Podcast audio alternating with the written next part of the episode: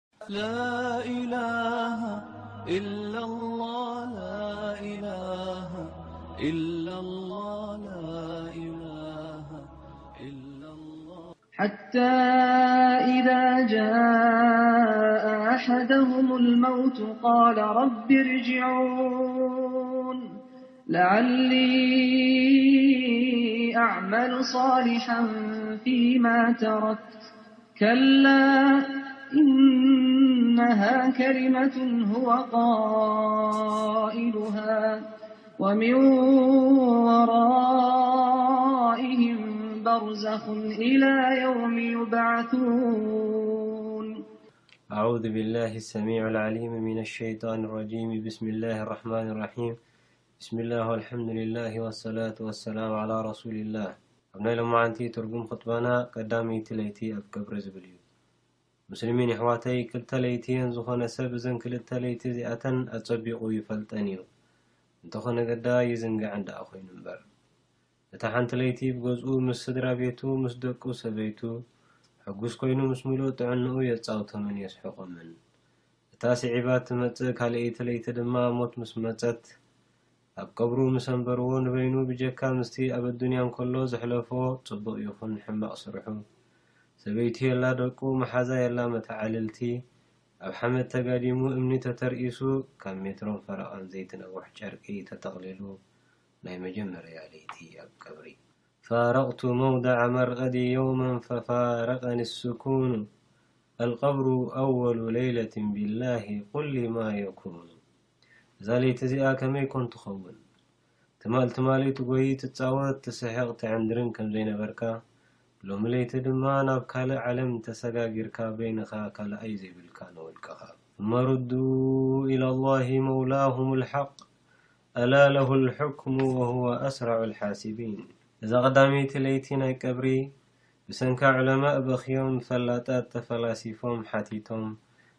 ገጠምቲ ገጢሞም ጸሓፍቲ ውን ጽሒፎም።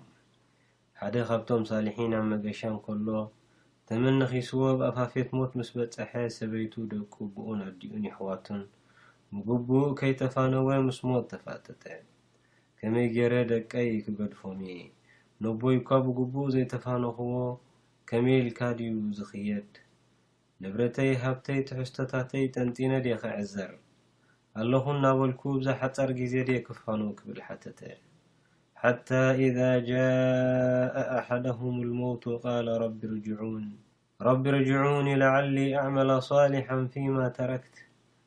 ከላ ኢነሃ ከሊመቱን ሁወ ቃኢሉሃ ወሚን ወራኢሂም በርዘኹን ኢላ ዮም ዩብዓሱን ንሓደ ካባኻትኩም ሞት ምስ መጸቶ ይብል ምለሱኒ ገለ ከይገበርክዎ ዝተረፈኒ ጽቡቕ ስራሕ እንተ ሰራሕኩ እንተኾነ ብድሕሪኡ ቀብሪ ዩ ዝጽበዮ ዘሎ ሕጂ ድዩ ምስ ነብስኻ ምትሕስሳብ ሕጂ ዲኻ ቶባ ትብል ኣብ ዘንቢ ተኣሊኽካ ምንባርካ ሕጂ ድዩ ዝርደኣካ ዘሎ ኣንታ ሰላት እንታይ ምዃኑ ረሲዕካዮ ዘለኻ ናብ ልብኻ ተመለስ ንቁርኣን ሃዲምካዮ ዘለኻ ገደባት ናይ ረቢ ሰጊርካ ነብስኻ በዲልካ ዘለኻ ኣስተውዕል እዛ ቀዳመይቲ ለይቲ ናይ ቀብሪ ከየርከበትካ ተጓየ ኣቡል ዓታህያ ዝተባህለ ሰብኣይ ንሓደ መራሕ እሞ ብስልጣኑ መንበሩ ዝምካሕ ቀብሪ ዝኣትወላ ሓንቲ መዓልቲ ከምዘላ ዝዘንገዐ ሰብኣይ መጺኡ ከምዚ ክብል ገጠመሉ ክንዲ ዝደለኻዮ ግዜ ብእፎይታ ንበር፣ ለይትን መዓልትን ብዝደለኻዮ ቅረብ ተበሰር፣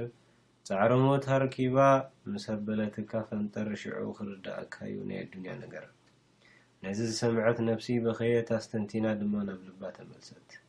ኩቡራት ሙስሊሚን የሕዋተይ ንቀብርና ብብርሃን ምእንቲ ከነድምቓ እታ መጀመርታ ለይቲ ናይ ቀብርና ብጽቡቕ ስራሕ ምእንቲ ከነጊጻ ንሰናይ ተግባር ንተዓጠቕ። ጊዜናን ጉልበትናን ነዛ መዓልቲ ዝኾነና ንስራሕ።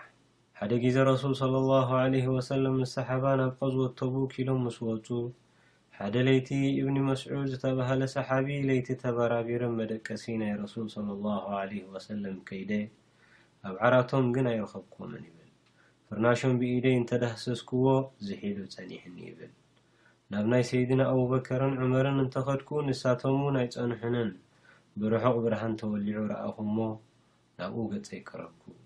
ጉድጓድ ቀብሪ ተፋሒሩ መዋቲ ብከፈን ተጠቕሊሉ ጀናዛ ንኽቕበር ተዳልዩ ረሱል ሶለሏሁ ዓለይሂ ወሰለም ኣብቲ ጉድጓድ ኣትዮም በሉ ሓውኹም ኣቐብሉኒ ብምባል ተቐቢሎም የዒንቶም ንብዓት ወረር እናበለ የእዳዎም ሓፍ ኣቢሎም ኣላሁመ እኒ ኣምሰይቱ ዓንሁ ራዲን ፈርዲ ዓንሂ ክብሉ ዱዓ ገበርሉ። ያ ኣላህ ተሓጒሰለይ ኣሞ ንስኻ'ውን ፍተወሉ ክብሉ ዱዓ ገበርሉ። መን'ዩ ክብል ሓተትኩዎም። እዚ ሓውኻ ዓብዱላህ ዙልቡጃዴን'ዩ። ኣብ መጀመርታ ለይቲ ካብዛ ዓለም ተፈልዩ ሞይቱ በልዎ። ወላሂ እዚ ሰብ እዚ። ኣነ ኮይነ እንተዝኸውን ክብል ተመንየ ምኽንያቱ ረቢ ሱብሓነሁ ወተዓላ እንተፈትይልካ ካብኡ ዝዓቢ ዓወት ኣበይ ከይህሉ እዞም ሰሓቢ ኣብ ሰቢሉላህ እንከለዉ ሞት ኣርኪባቶም እቲ ሕቶ ግን ነቶም ትእዛዝ ናይ ረቢ ረሲዕና ኣብ ኣዱንያ ጢሒልና ሞት ረሲዕና ዘለና ሰባት እታ ቀዳመይቲ ለይቲ ኣብ ቀብሪ ከመይ እያ ክትኮን ክቡራት ሙስሊሚን የሕዋተይ ነዛ ለይቲ እዚኣ እንታይ ኣዳሊናላ ኣለና ዑመር ኢብኑ ዓብዱልዓዚዝ ዝተባህለ መራሒ ናይ ሙስሊሚን ዝነበረ፣ ቅድሚ መሪሕነት ምርካቡ፣ ኣብ ሓደ መዓልቲ ብዙሕ ግዜ ክዳውንቲ ይቐያይር፣ ኣዋርቕን ብሩራትን ሰራሕተኛታትን ገዛውትን ዝተፈላለየ ብልዕን መስተን ይውንን ነበረ። ዝደለዮ ይበልዕ ዝጠለቦ ይቕረበሉ፣ ኮታስ ኩሉ ነገር ምሉእ ትሕዝቶን መጋየጽን ነበሮ። ጉዳያት ናይ ሙስሊሚን ክከታተል ንሓላፍነት ምስ ተመዘዘ፣ መራሒ ሃገር ምስ ኮነ ድሕሪ ቁሩብ ግዜ ኩሉ ነገራቱ ተቐያየረ። ሕብሩ ተለዊጡ፣ ብጀካ ሓንቲ ክዳን ካልእ ኣይነበሮን። ነዚ ዝረኣዩ ሰባት እንታይ ተረኽበ ክብሉ ንሰበይቱ ሓተቱዋ። ወላሂ ለይቲ ኣይድቅስን እዩ፣ ልክዕ ከምዛ ኣብ ጓህሪ ዝደቀሰ ንየማን ንጸጋም እናተገላበጠ ኣህ ጉዳይ ሙስሊሚን ተሰኪምካ ከመይ ኢልካ ክትደቅስ ኣብ ዮምል ቅያማ ቆልዓ ሰበይቲ ድኻን ውጹዕን ክሓቱኒ እዮም እናበለ ከስተንትን እዩ ዝሓድር በለቶም ሓደ ካብቶም ዑለማእ ኣንታ መራሒ ሙእሚኒን ትማል ትማል ቅድሚ ንግስነትካ መካ ኣብ ጽቡቕ ናይ መነባብሮ ኩነታትን ኣብ ዝበለጸ ናይ ጥዕና ሃዋሁን ኢና ንፈልጠካ እንታይ ኰንካ ተቐይርካ ምስ በልዎ መሪር ብኽያት በኸየ'ሞ ከምዚ ድማ በሎም፣ ድሕሪ ቁሩብ ኣብ ቀብረይ እንተ እትርእዩኒ ደኣ እንታይ ምበልኩም ኔርኩም?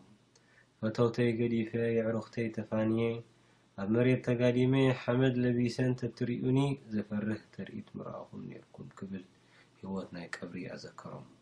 ረሱል ሰለላሁ ዓለይሂ ወሰለም ኣብ ሓዲስ፣ ኣልቀብሩ ረውደቱን ምን ርያዲል ጀነቲ ኣው ሑፍረቱን ምን ሑፈሪ ናር ቀብሪ ወይ ጀረዲን ናይ ካብ ጀራዲን ጀና ወይ ድማ ጉድጓድ ካብ ጎዳጉዲ ጀሃነም እያ ኢሎም ሰይድና ዑስማን ረዲየላሁ ዓንሁ ዝሞተ ሰብ ንክቐብር ጀናዛ ክስዕብ እንከሎ ክሳብ ሃለዋቱ ዝጠፍኦ ይብለኪ'ሞ ተሰኪሞም ከም ሬሳ ንገዝኡ የብጽሕዎ ነበሩ። እንታይ ኰንካ ተባሂሉ ምስ ተሓተተ፣ ቀብሪ መጀመርታ መዓልቲ ናይ ኣኼራ'ያ፣ ካብኣ ዝደሓነ ተዓዊቱ'ዩ፣ ኣብኣ ዝኸሰረ ድማ ኣኼርኡ ከሲሩ'ዩ። ወልቀብሩ ረውደቱን ሚነል ጂናኒ ኣው ሑፍረቱን ሚን ሑፈሪ ኒራን። أفضل عند ربنا لعبده إن يكونو خيرا فالذي من بعده وإن يكن شرا فما بعد أشد ويل لعبد عن سبيل الله صب اللهم ردنا إليك ربا جميلاالهم ثبتناعل ينكللهم ثبتنا على دينك